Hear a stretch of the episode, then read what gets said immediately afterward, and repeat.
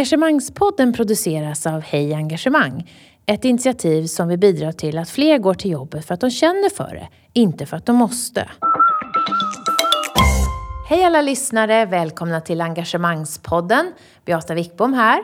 Idag pratar jag med Jon Persson. Han har grundat Sygni, ett företag som rankas som den bästa arbetsplatsen i Europa av stiftelsen Great Place to Work. Och det roliga är att det är hans medarbetare som har röstat fram det. Och vi kommer att prata om hur får vi varje dag att kännas som den där första dagen på jobbet? När du är jätteengagerad, när du är nyfiken, du vill bidra och du tycker att allt är roligt. Välkommen Jon! Tack så mycket. vad känner du extra engagemang för idag? Eh, ja, alltså jag har ju ganska lätt att känna engagemang för många olika saker. Lätt att, sådär, att brinna för grejer och det är både bra, bra och dålig egenskap tror jag ibland. Men eh, just nu, eh, jag har haft en helg full med barnidrott. Min son spelar fotbollscup och min dotter spelar handbollsturnering. Då. Så det, det är jag engagerad för just idag. Eh, känner mycket för det. Vann de? Eh, ja, var, vi hade faktiskt en, eh, eh, det var en tuff fotbollsturnering för min son. Och eh, vi hade en eh, orättvis domare i sista. Då fick till och med jag bita mig i tungan för att inte... Man får ju inte skälla på domarna, de är ungdomsdomare och sådär.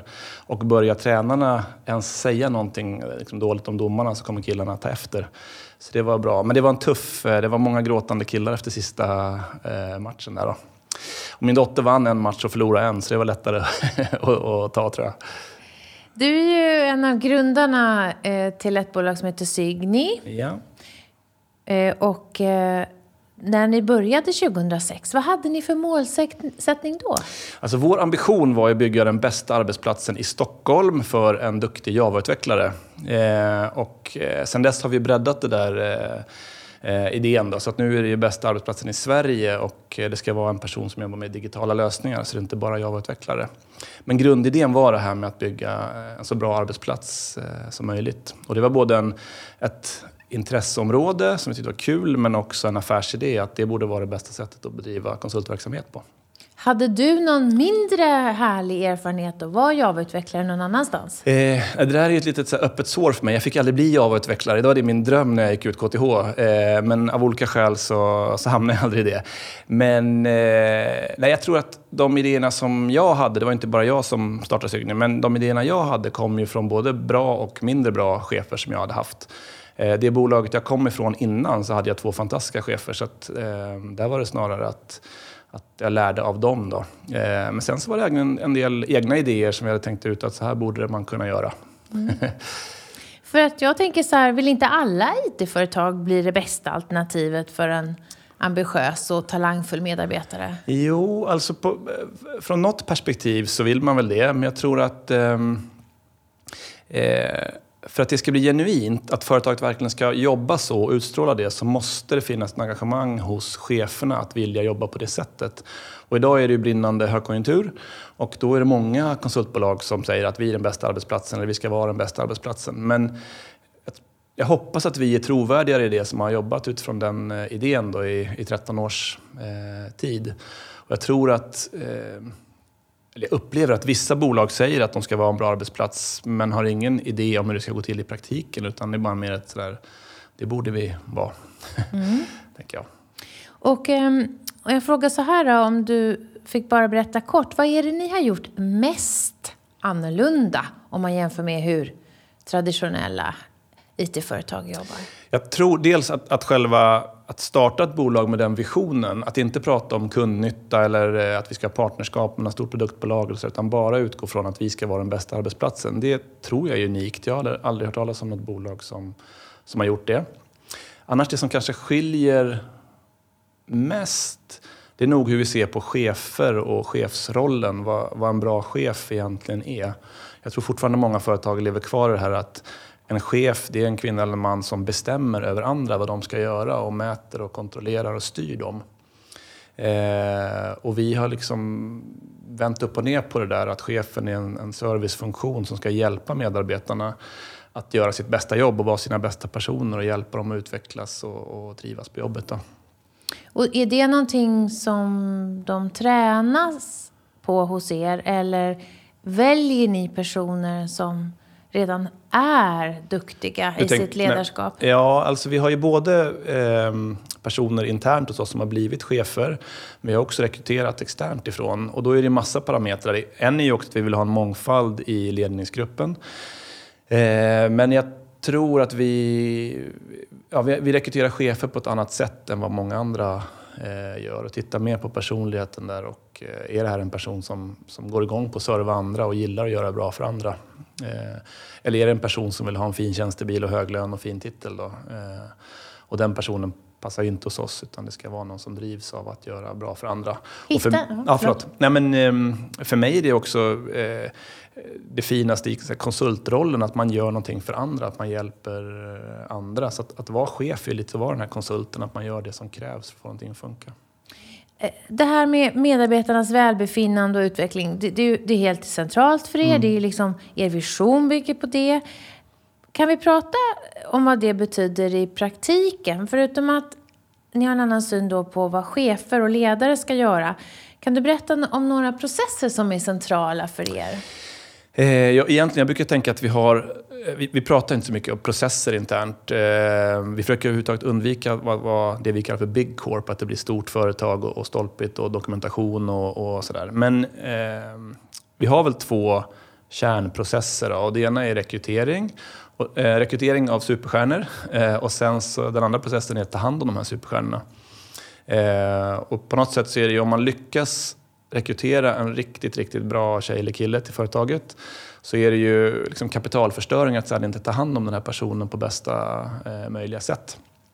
Och det är egentligen, eh, så som vi fungerar så är det våra huvudprocesser eller kärnprocesser, men det är också de enda två som vi verkligen lägger krut på. Försäljning handlar ju för oss, eh, det är en del av de processerna, för det handlar om att hitta roliga uppdrag och utvecklande uppdrag till medarbetarna. Så allting kretsar kring de här två processerna. Mm. Och när det gäller att eh, hålla era stjärnor och talanger motiverade och nöjda och tycka att de hela tiden är på bästa arbetsplatsen. Vad är det allra viktigaste ni gör då, skulle du säga? Som du inte har sett lika mycket på andra ställen? Ja, alltså vi, jag, jag, tror att själva ansatsen att eh, det är medarbetarnas nöjdhet, det är liksom det viktigaste kanske. Och sen så handlar det om att göra i varenda liten detalj så. Det handlar om att få bra kompetensutveckling. Det handlar om att eh, ha ett bra förmånspaket såklart. Det handlar om att kunna påverka sin egen situation och även hela företagets funktionssätt. Och där är någonting som vi eh, tycker har lyckats med riktigt bra. Nu är vi 175 anställda, men det är fortfarande så att kommer man med en bra idé så är det stor sannolikhet att den blir genomförd.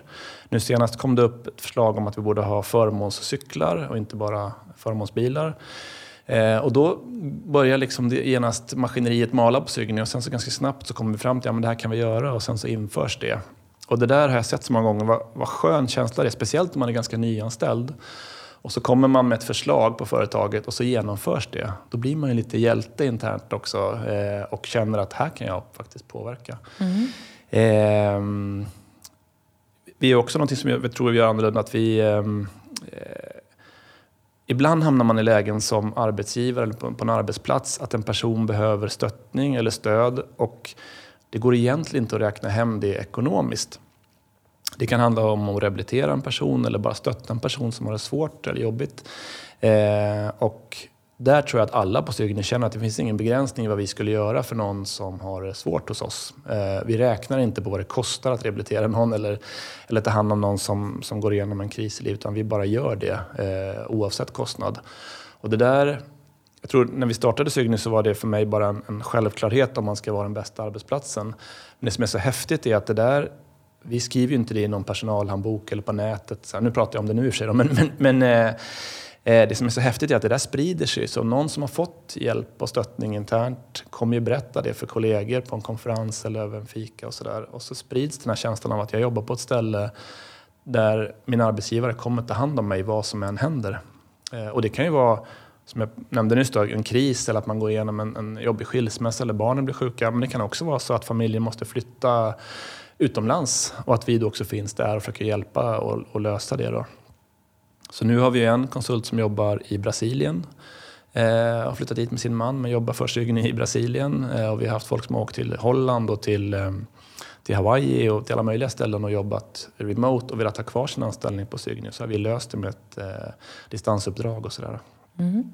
Om vi ser på processer, eller vad ni gillar inte ordet processer, om ni ser för, på eh, hur ni jobbar med feedback och utvärdering. Ja. Hur går det till hos er? Eh, det där är jätteintressant för att vi har ju eh, vi jobbar ju med systemutveckling och programmering och i moderna systemutvecklingsmetodiker så, eh, så är det där inbyggt i hur man jobbar. Man jobbar Scrum och sånt. Exakt så. Mm. Ja.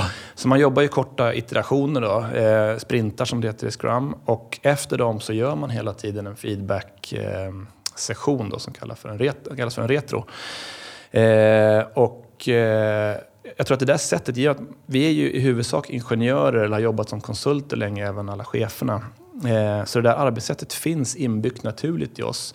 Eh, och att ge varandra feedback och att utvärdera saker kommer eh, naturligt. Sen så tränar vi på det också. Vi har haft på våra konferenser har vi tränat, haft feedbackövningar. Där man tränar både på att ge feedback och att ta feedback och sådär. Så att det, jag skulle säga att det är liksom inbyggt i vår modell. Eh, och i, som i Scrum, där får du ju inte bara ge positiv feedback. Du måste också komma med någonting som skulle kunna bli ännu bättre. Eh, och, eh, ja, det, det, finns naturligt närvarande hos oss. Och det vi försöker göra är att det ska, det ska vara lätt att ge feedback. Så att när vi utvärderar en eh, Ja, men vi hade vår teknikkonferens CTS här nyligen. Då ska det vara ganska lätt att, att fylla i och ge feedback. Det ska inte vara ett jobbigt formulär utan ofta är det bara tumme upp och tumme ner på olika parametrar. Eller så där, att det, är väldigt, ja, det är enkelt att vara med och, och bidra till feedbacken. Och det är för de som inte jobbar med Scrum så tycker jag också att det är en metod som eh, tar ganska små tuggor av helheten. Mm. Feedbacken kommer ju kanske ibland till och med dagligen i en kort form. Ja. Och det, det upplever jag att många som inte jobbar med teknikutveckling är väldigt ovana vid. Mm. Har, har, du reflekterat över det? Vad, det, ja, vad som jag händer tror, då? Jag tror att man, eh, om man jobbar i en, i en organisation där man inte är van att ge eller få feedback, om man då råkar ut för feedback så blir, kan det bli jättejobbigt. Eh, och så åker man hem från jobbet och sa de det där? Vem är de att bedöma mig? och sådär. Medan om man jobbar i en organisation där det är naturligt så tänker man inte ens på det utan man blir glad om man får någonting som, det här kan du göra bättre. Ja, toppen. Eh, men sen har ju Scrum massa andra fördelar i hur man, hur man jobbar också. Hur man, eh, styckar stora projekt i mindre delar och, och sådär. Eh, men eh, på något sätt är det också för mig en, en trygghetsfaktor att kunna ge och, och ta feedback. Och tittar man på forskning inom bra arbetsplatser så kan man ta bort allt som har med kompetensutveckling och förmåner och löner och konferenser och sådär. Utan det som faktiskt spelar roll, det är tillit. Eh, visar all forskning på området. Eh, och har man tillit då kan man också ge eh, och ta feedback på ett väldigt bra sätt. Så jag, det är nästan en sån här lackmustest för en organisation. Om man är bra på feedback då är det förmodligen också en organisation med hög tillit och då är det förmodligen också en bra arbetsplats. Tillit, bara för att förtydliga, tillit mellan medarbetarna eller tillit till uppdraget jag har? Eller tillit hur? till cheferna och till företaget mm. och även tillit mellan medarbetarna. Mm. Eh. Ni jobbar ju så många idag i en verksamhet där eh, ni ska hjälpa era uppdragsgivare att förändra sig mycket snabbare än vad de har gjort tidigare. Det är högre tempo. Vi vet inte alltid exakt vad som kommer hända. Vi jobbar bara ganska hög osäkerhet. Hur ser du, hur ser du att ni har löst den här utmaningen att medarbetarna ständigt är i utveckling och, och, och uppdaterar sig med relevanta både förmågor och kompetenser mm. och nya områden? Jättebra fråga. Och det är ju, återigen så tror jag att vi är i en bransch som har lite fördelar där. De som jobbar i vår bransch har kul på jobbet generellt. Eh, väldigt många av, av tjejerna och killarna på Sygny åker hem på kvällarna och programmerar ännu mer på kvällen. Som sitter hela dagen på jobbet och sen så åker de hem och gör det. Ehm, Vilket och, kanske inte alltid är bra. Det behöver inte vara bra, men, men det visar, jag tror att i många andra branscher, jag tror att det är få eh, taxichaufförer som sticker ut och kör lite extra bil på kvällen eller få eh, revisorer som gör en balansräkning på kvällen. Det kanske finns, det är bara jag som, som är insnöad. Men, men, eh, de älskar sitt jobb i De älskar sitt jobb mm. och har liksom valt det här jobbet för att det är så himla kul att, att programmera.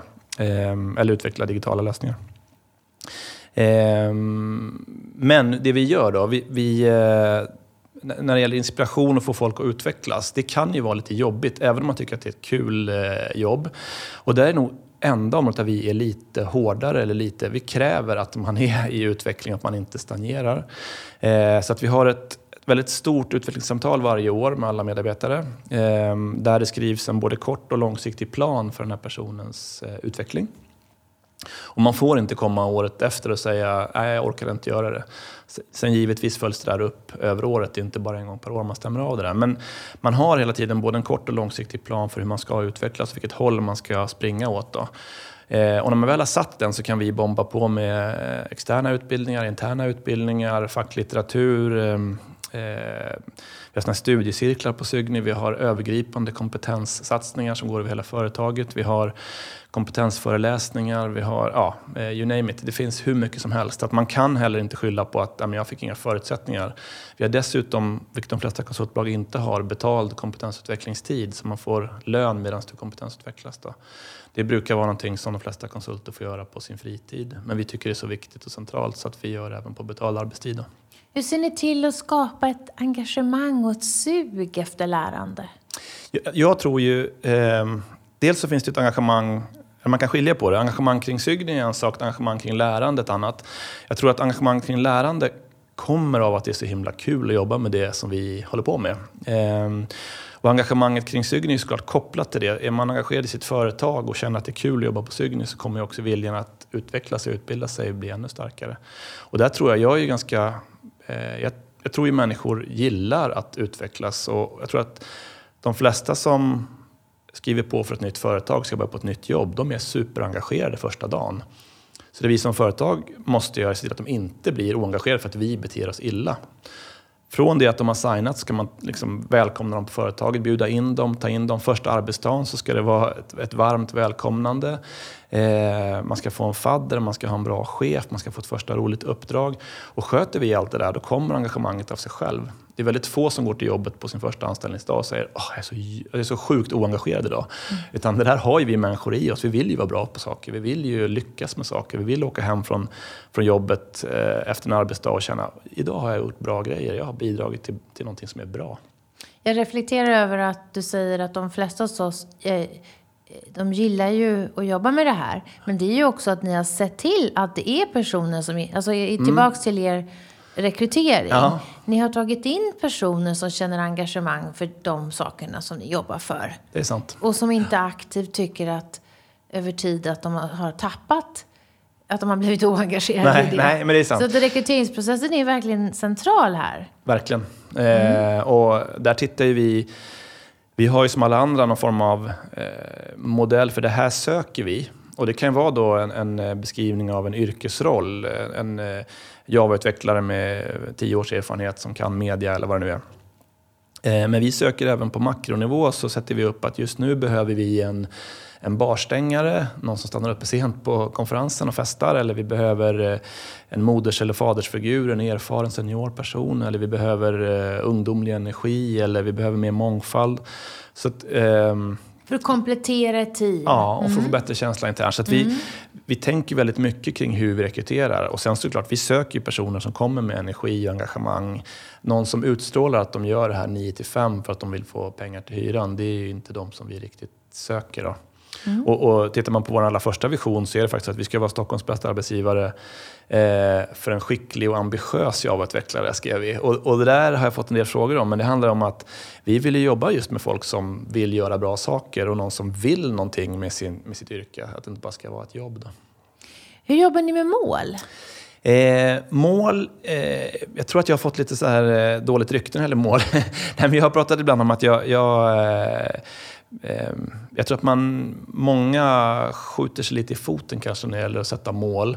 För att man, man tror Vad menar du med det? Jo, för att jag tror att man, man eh, tänker så här, om vi ska eh, få en person att prestera, då sätter en chef mål för honom eller henne och så mäter man den personen på de här målen.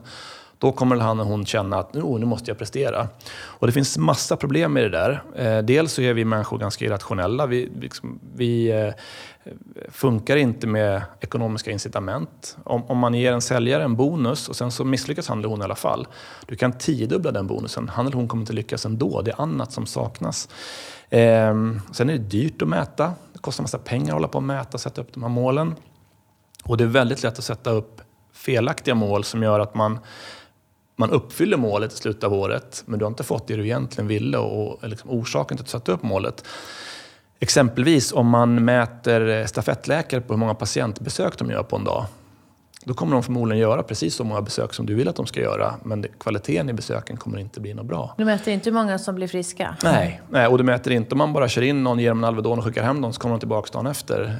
Eh, och det där... Så du är skeptisk till mål som sådant? Ja, alltså man kan ju ha mål är bra. Men, men jag tror att mäta människor på mål är väldigt farligt. Det ger en falsk trygghet av att nu har vi kontroll på de här processerna. Så hur styr ni teamen och utvecklingen? Alltså jag tror ju återigen, de flesta, eller alla människor vill gå till jobbet och göra ett bra jobb. Så att det vi ska göra är ge dem förutsättningar och eh, redskap och verktyg för att faktiskt kunna göra ett bra jobb. Eh, och då behöver man inte sätta mål som man sen mäter på. Sen kommer det vara personer som periodvis inte gör ett bra jobb. Eh, men de och då kanske det också är bra att inte mäta dem. För jag tror att om, om man, har en, eh, om man går igenom en eh, skilsmässa eller har något jobbigt privat. Om man har en chef som är där och mäter den och säger du har inte levererat den här månaden. Det är inte så att man kommer leverera mer. Eh, och i vår modell kan man snarare liksom gå under radarn en stund och ta det lite lugnare eh, och sen komma tillbaks ännu starkare och ännu, ännu bättre. Jag har aldrig hört någon som har sagt så. Nej, jag tror att det är lite ovanligt faktiskt. Jag, jag tror att man, eh, det vi får jobba med det är snarare liksom interna mål och intern motivation istället. Vart vill du komma någonstans och hur kan vi hjälpa dig med det? Och det blir någon form av, det är en klyscha, men det blir frihet under ansvar. Att man själv ansvarar för att sätta mål och sen försöka uppnå dem. Då. Vi har ju lyssnare i våran podd som kanske just nu befinner sig i verksamheter som inte går så bra ekonomiskt. Går det att arbeta på det här sättet även i tuffa tider när man kanske har sparkrav och så? Mm. Jag, eh, vi har ju faktiskt gått bra från dag ett. Alltid varit lönsamma, alltid växt. Eh, och jag har full respekt för att om man har en verksamhet som knappt går runt eller det är kris och man kanske måste göra besparingar, att man då inte börjar med att åka på en konferens eller sådär. Men eh, att en medarbetare inte gör det? Mm. Nej, att man, att, eller att man satsar liksom inte på något nytt superroligt spännande för, projekt, för mm. personalen för mm. att man måste hålla i pengarna. Då. Men ehm, eh, på lite längre sikt, om man, om man liksom inte bara tittar på ett företag som råkar vara i kris just nu, så tror jag att det är mycket billigare att vara en bra arbetsplats även i sämre tider. Det, det dyraste man kan vara det är ju en dysfunktionell arbetsplats där man har höga sjuktal, hög personalomsättning, folk är missnöjda och oengagerade. Det är dyrt på riktigt. Eh, att ta hand om sin personal och se till att de mår bra och trivs, det är egentligen eh, det billigaste man kan göra. Mm. Eh, och återigen, om man vänder till forskningen så visar all forskning att, att bolag där de anställda upplever att det är en bra arbetsplats, de är lönsammare än sina konkurrenter. Eh, och då klart kan man säga att vad är hönan eller ägget? Är det för att de är så lönsamma så de har råd att vara en bra arbetsplats? Men jag tror att, att eh, det kostar otroligt mycket pengar att ha missnöjda medarbetare eh, och kan man undvika det så, så kan man räkna hem väldigt mycket satsningar som på kort sikt kostar pengar. Om du skulle ta bort ordet att vi är ett företag, vad skulle du jämföra dig med för annan sorts gruppering? Är ni mer som en en religiös eh, sekt? Ja, Nej. eller en, en, familj. Eller är ni mer som en uh, tribe, en sorts flock man kan ansluta till? Eller är ni mer som ett scoutläger? Eller vad, eh, vad kan man likna det vid? Jag, jag vet inte. Jag tror... Um, jag, jag, har ju kört en liknelse massa gånger med eh, min dotters fotbollssammanslag. Och, och, I den storyn så handlar det om hur vissa julade när vi hade genomgångar. Och så berättade jag den här liknelsen internt någon gång. Och den handlade inte alls om att få jula eller inte, utan den handlade om hur man ehm, eh, assimileras in i en ny grupp om man är nyanställd och sådär. Du menar att de julade för de orkade inte lyssna? Ja, mm. typ så. Eh, men det var inte det som var poängen. Då var det någon som räckte upp handen och sa, men på Sygni måste vi få jula. Eh, och det, jag tror att det är lite så att det är en grupp där man eh, har väldigt hög frihet att få vara sig själv. Eh, men eh, delar många värderingar som gör att det är lätt att, att, att samverka. Då. Och vi har också valt ut personer som inte är så konfliktbenägna och som inte är prestigefyllda och som inte har svårt att samarbeta. Sådär. Så mer som ett kompisgäng då? Eller? Ja, det, det, blir ju alltid så klyschigt när man pratar om det sådär. Eh, ja, vi är bara kompisar, vi är en stor familj. Sådär. Men eh, Eh, faktum är att när vi åker på stora konferenser, hela företaget tillsammans, så brukar eventbolagen vi åker med säga att det är helt otroligt. Det finns ju ingen som pratar skit om någon annan på Signy.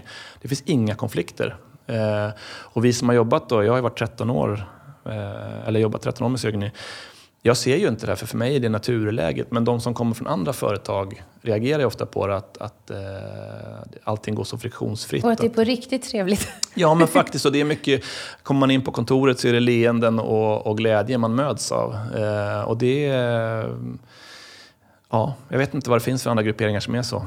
Jag tänkte just på det att jag undrar hur ni ni, ni förväntar ju att alla ska ta ansvar både för sig själva men också för sina kollegor och, få, och hjälpa dem att bli sitt bästa jag. Yes. Och då där jag tyckte kanske det var mer kompisingen i familj. För familj är det kanske inte syskonen kanske inte hjälper varandra lika mycket som nej. föräldrarna stöttar sina barn. Ja, lite metafor här. Men hur ser ni, hur, hur får ni alla att bry sig lika mycket om kollegorna som sin egen utveckling? Jag, jag jag har tänkt rätt mycket på det där. Jag, jag tror att eh, det finns de här grundläggande elementära mänskliga egenskaperna. Att om man ber någon om hjälp och får hjälp, då är man mer benägen att hjälpa någon person nästa gång. Och där behandlas man väl så behandlar man andra väl och får man kärlek så har man lätt att ge kärlek och sådär. Jag tror att eh, det är någonstans där vi har lyckats hamna. Eh, en nyanställd kommer inte in på Cygni och börjar liksom snacka skit om sina kollegor eller någon annan heller för den delen, för det gör man inte. Man, där känner vi liksom av. Så ska man vara en del av, av ehm, um, Cygni-flocken så ja, då finns det vissa sådana där eh, regler eller värderingar eller idéer som, som man eh, assimileras in i. Då, att man, man pratar väl om andra och man, man hjälper andra och sådär. Sen finns det personer, vet jag, som upplever att det är eh, att det kan vara pressande att jobba på Sygny i vissa perioder av livet för att man har otroligt mycket privat. Och sen så bombas man med massa bra eh, aktiviteter och förmåner och kompetensutveckling av företag. Man hinner inte vara med på något. Och då känner man att, de, eh, de kastar ju pärlor till svinen här. Jag hinner Och inte med på någonting. gruppen Jag lite. sviker gruppen, jag är inte med och sen så eh, är jag fadder för någon och jag har inte tid att ta hand om honom eller henne. Och, och, ehm, så, och det kan ju vara pressande och vi försöker ju alltid liksom poängtera det spelar ingen roll. Liksom, Ta den tid du behöver. Man måste inte vara med på allting. Man kan vara med en gång om året eller kan vara med varenda kväll på Sygny liksom, på aktiviteter. Men ehm, eh, det har jag hört från vissa att de tycker att det kan vara att man liksom blir, eh, man känner sig otacksam nästan om man inte är med på På ett sätt är det bra, för det betyder ju att, att de upplever att det finns höga förväntningar på mig som egentligen Ja. inte är oroliga, bara att jag inte klarar av det tidsmässigt Nej, att precis. Nej. Men det, ja, det är inte bara förväntningar, utan det är också det att man, man känner att eh, ja, som någon form av otacksamhet att man inte är med på någonting. När det, när det, och det är inte bara att företaget gör saker, utan det är även många... Eh, det, många aktiviteter drivs ju av, av eh, medarbetare på Sygny som hittar på att nu ska vi köra Sygny Culture Club och gå på opera eller nu ska vi spela innebandy ihop eller nu ska vi cykla mountainbike eller sådär. Så att det är även att man kan känna att mina kollegor gör så mycket bra för mig och jag orkar inte driva någon aktivitet. Ehm, och det där får vi liksom bara ta ur folk. Man måste inte vara så utan eh, det finns grejer att göra på Sygny varenda kväll om man vill vara med på någon aktivitet eller sådär. Så att, eh, och det går upp och ner över livet. Ibland har man småbarn hemma eller sjuka barn och, och ibland så känner man sig stark och har energi och kraft över det. Men om du svarar på den här då, finns det talangfulla medarbetare som inte passar för det här arbetssättet, som inte ska söka jobb hos er? Ja, jag tror, vi, vi har ju sett att de, det är väldigt få som slutar på Sygny, men de som gör det är ofta sådana som inte riktigt jackar i socialt i, i samvaron. Och det handlar inte om att vara med på allting, utan de, de hittar liksom ingen riktig gruppering eller person att ty sig till. Och det är inte deras fel, utan det är ju vi som företag tycker jag som misslyckas. Och vi pratar jättemycket om det här med inkluderande eh, företagskultur och inkluderande ledarskap. Att man, eh, man har en skyldighet tycker jag på Sygny, eller generellt i livet. Eh, ser man någon som känns utanför så ska man suga in den personen. Och det spelar egentligen ingen roll om det är ett konsultmöte på Sygny eller ett föräldramöte i skolan eller en, en fotbollsträning med sin dotter. Är det någon som inte riktigt kommer in i gänget så har man ett ansvar att liksom suga in den personen. Ehm, ja, nu glömde jag, vad var Och ursprungsfrågan? då kanske de inte, då har de slutat. Ja, men just det. Men Eh, om de som inte ska söka jobb hos er?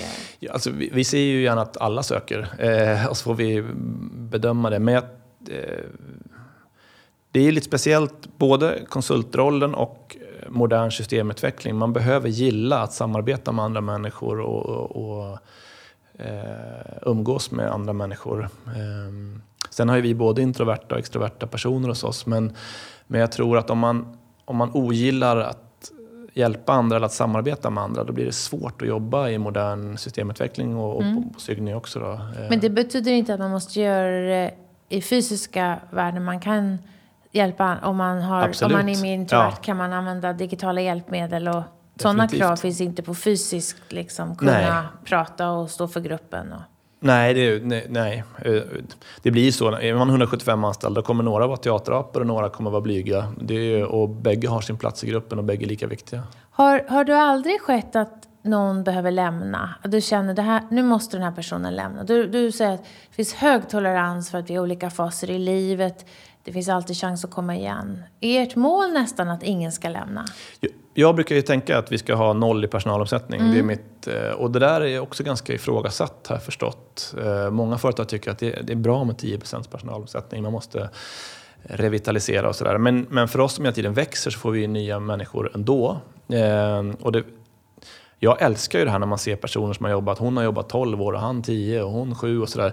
Och vilka relationer som uppstår på arbetsplatsen när man har jobbat länge tillsammans. Ehm, så jag, ja, i min drömvärld så är det noll i personalomsättning eh, och att vi hela tiden rekryterar eh, nya personer som man håller liksom, snittålder och, och eh, fördelning på gruppen ungefär. Mm. Om vi ser till de ekonomiska konsekvenserna mm. av att driva bolag med medarbetarna i fokus. Hur har på lönsamheten sett ut? Eh, ja, jag nämnde det här att, att man, eh, bolag som är bra arbetsplatser eh, är lönsammare och de växer snabbare än sina konkurrenter. Det var forskning som vi inte visste om när vi startade Sygny utan vi tänkte mer bara banalt. Liksom att, så här vill vi ha det. Ja, dels det men också om man tittar, för det var ju liksom intressedelen av det. Men, men själva affärsdelen av det var att alla pratar om att det är brist på de bästa systemutvecklarna. Varför bygger man inte ett bolag som är den bästa arbetsplatsen för just dem? Ehm, så jag tror att... Eh, så vad har ni haft för lönsamhet? Vi ligger mellan 13-14 procent upp till 20 procents vinstmarginal. Mm. Eh, och tillväxten? 25 procent per år de senaste tio åren, eh, vilket är inte unikt, men det är inte så många som har gjort det. Eh, och då, så det är inget dåligt recept det här? Nej, det är ganska bra. Eh, och det är, eh, för att återkoppla till det här med mål som vi pratade om tidigare. Vi har aldrig någonsin satt ett tillväxtmål och inte lönsamhetsmål heller för den delen. Utan vi eh, har ju någon form av kvalitetsambitioner när vi rekryterar. Eh, och vi fokuserar på att vara en bra arbetsplats och då får man liksom den här tillväxten och, lönsamheten per automatik nästan tror jag. I den här podden så gillar vi medarbetarengagemang. Vi pratar om det mycket. Va, när du definierar det, vad, va lägger du i det begreppet? Alltså jag, jag, något som jag är otroligt svag för är när eh, en medarbetare kommer och känner att det här eh, tycker jag är otroligt kul, eller det här gillar jag att göra och det vill jag dela med mina kollegor. Och det där har vi enormt mycket av eh, på Sygny. Vi har eh, en medarbetare som Eh, han håller på med sån här forspaddling. Eh, fors, forsränning heter det så. Ja. Eh, och har då liksom dragit med, det började med att han drog med ett gäng upp till Dala-Floda eh, och så paddlar med kajak och lär sig eskimåsväng och, och sådär. Och sen så har det där bara exploderat. Jag tror halva firman har varit uppe nu i Dala-Floda och kört de här kurserna, blivit certifierade forspaddlare och sådär. Eh, och det kommer sig bara av att han är en fantastisk person som eh, har en, en, hobby kring det här och sen så vill han dela det med sina kollegor. Och så blir det så bra av det där. Och det får ju så mycket positiva effekter då, att andra som har andra hobbys säger men jag sticker upp på seglarläger på Värmdö eller, eller jag vill eh, eh ja, gå på opera tillsammans eller vad det nu är. Sådär. Eh, och det, Hur hänger det ihop med engagemang? Med engagemang, jo, det är ett engagemang i att vilja göra det bra för, för eh, sina kollegor. Ett engagemang i att Sygny ska bli så bra som möjligt. Eh, och att man tycker att det är viktigt liksom, att, det att vi är en bra, ett bra ställe att vara på. Ehm, och, och engagemang är lite som, som kärlek, så det, smittar ju. Eh, har man kollegor som är engagerade så sugs man ju ofta med i det där också och blir engagerad. Och, ehm, jag tror att där har vi lyckats bra och få, få ett medarbetarengagemang som är som Så är du stort. definierar det som viljan att dela med sig? Viljan att bidra?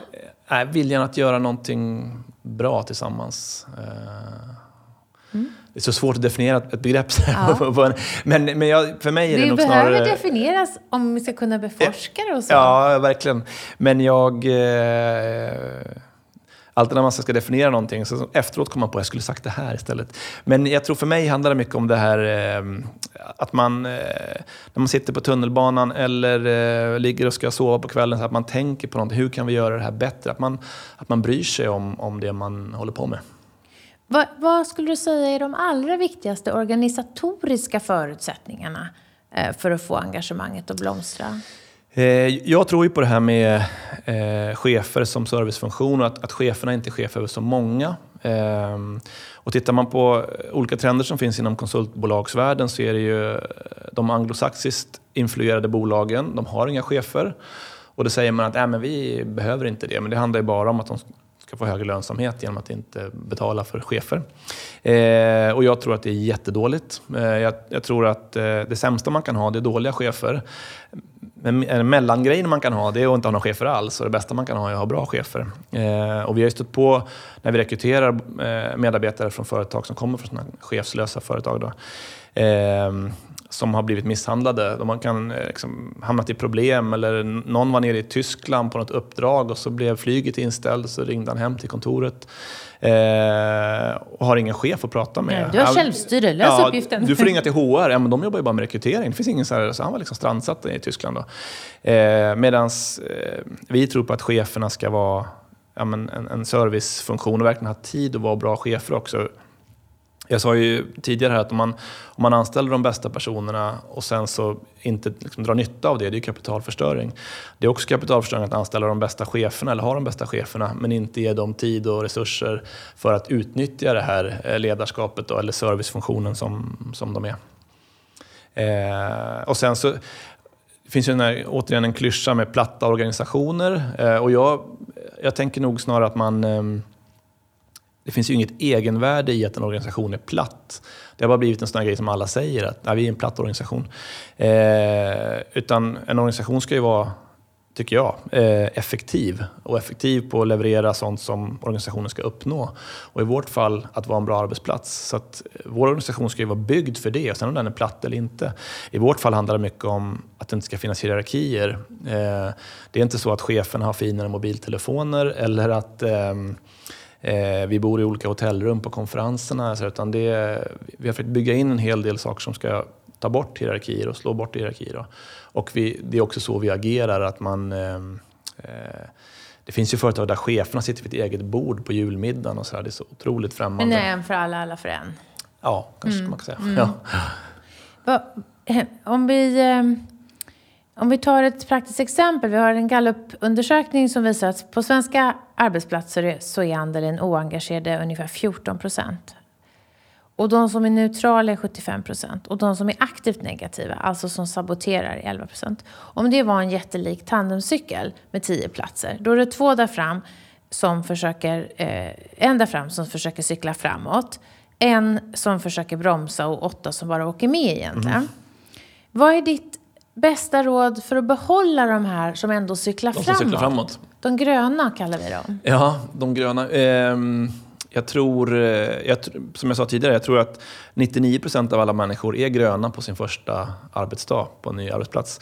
Så det handlar mycket om att inte trycka ner dem och bli någon annan färg som är dålig. Då.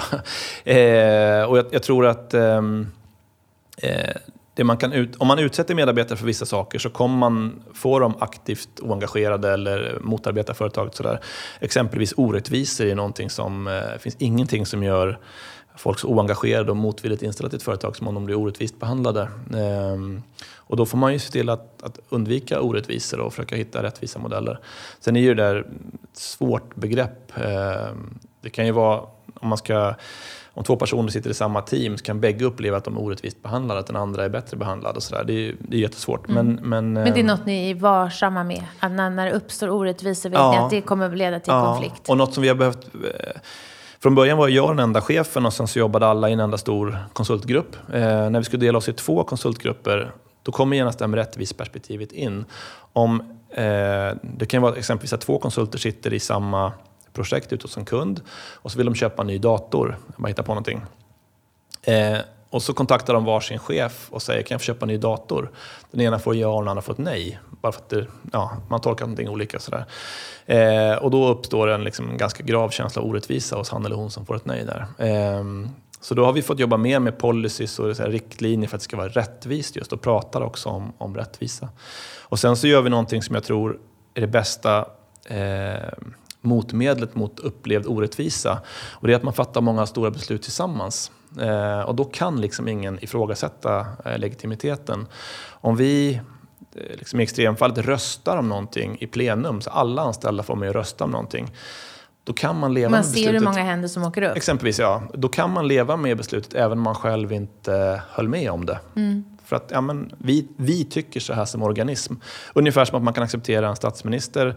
Om man inte röstar på den statsministern vi har så kan man ändå acceptera det för att det är en del av det demokratiska systemet. Mm. Och det tilltalar människans rättvisekänsla tror jag. Ehm, sen behöver det inte vara hela företaget. Man kan göra det på konsultgruppsnivå eller på dotterbolagsnivå eller sådär.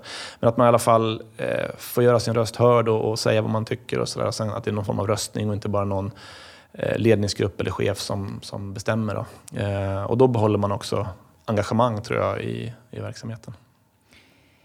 Hur värdesätter du din del av bolagets framgång? Eller hur ser du på den? Vad, är, vad har du som chef och, och visionär grundare haft för del i framgången? Ja, alltså jag... Eh, eh, det är klart att jag har påverkat eh, bolaget. Ehm, och jag tror... Det blir väl kanske lite så att vissa av de saker som jag tycker är allra viktigast är väl det som jag har jobbat mest med och det kanske också då syns i bolaget. Samtidigt kan jag känna att eh, vår styrka är just att det inte bara är en person eller en ledningsgrupp eller en chef eller en styrelse som, som eh, driver bolaget eller för det framåt. Och så mycket av det som är allra bäst hos oss är ju inte sånt som, som jag eller mm, någon annan chef har kommit på utan det har liksom dykt upp i, när vi pratar om saker på konferenser eller i olika råd och grupperingar och sådär internt. Och det är du stolt över att den kollektiva intelligensen och förmågan har Ja. tagits tillvara så väl? Ja, alltså jag, eh, något som jag eh, verkligen, verkligen älskar är ju när man känner att vi är ett lag som drar åt samma håll. Ehm, och något som jag verkligen ogillar är folk som säger så här, men det där står inte i min arbetsbeskrivning, det där är inte mitt jobb och sådär. Att man liksom är, åh, det bara eh, kryper i kroppen på mig när de säger det. Och för mig så, så eh, ja, hade man frågat mig för 13 år sedan, vad hoppas du ska bli av Sygny? Så hade jag nog sagt det där att det ska vara en lagkänsla, eh, att vi drar åt samma håll. Och för mig skapar det också mening att vi, vi är inte bara 175 personer som råkar jobba på samma företag utan att vi, vi är på väg någonstans tillsammans eh, och gör det som ett lag. Då. 2014 så utsågs ni som första svenska företag någonsin till Europas bästa arbetsplats i den här eh, kan man säga, tävlingen då, Great Place to Work. Yes. Vad var det som juryn särskilt ville uppmärksamma och som ni belönades för? Eh, det var faktiskt ingen, ingen jury just i det fallet utan det är, eh, det är medarbetarna själva som, som svarar på 60 frågor i en medarbetarundersökning. Och eh, jag, tror, jag kommer inte ihåg hur många företag det är med, men det är, globalt sett så är det 10 miljoner medarbetare som är med i den här undersökningen. Så det är en ganska stor, den är globalt klart störst. Eh, och eh, alla på Sygni var med och svarade om oss. Då. Eh, och då vann vi först i Sverige i mars. Och, sen så, och då visste inte vi ens att det här sammanställdes på Europanivå. Men i och med att det är samma 60 frågor över hela världen så, så kan man då jämföra svenska med tyska, holländska, italienska, franska företag och så vidare. Ehm, Vad stod ni ut på? Eh, det är lite, nästan lite löjligt, men vi är nästan i topp på allt där. eh, första året vi var med så kom vi femma i Sverige och kom inte med på Europalistan överhuvudtaget. Och då var det, stack vi ut neråt på två frågor. Eh, hur vi bidrar i samhället och eh, hur vi tar emot nyanställda. Och bägge de var lite sådär, det hade jag aldrig trott innan. Men eh, när övriga frågor är nästan 100 av 100 och två sticker ut lite neråt så kan man ju jobba med dem. Så de frågorna adresserade vi under det året. Då. Så när vi vann 2014 så, så är det nästan 100 av 100 på, på alla frågor.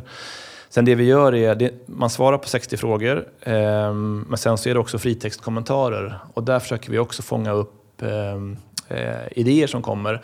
Det kan ju vara att jag tycker att det här är superbra på sugning, men vi måste tänka på att, och så kommer det liksom idéer för framtiden.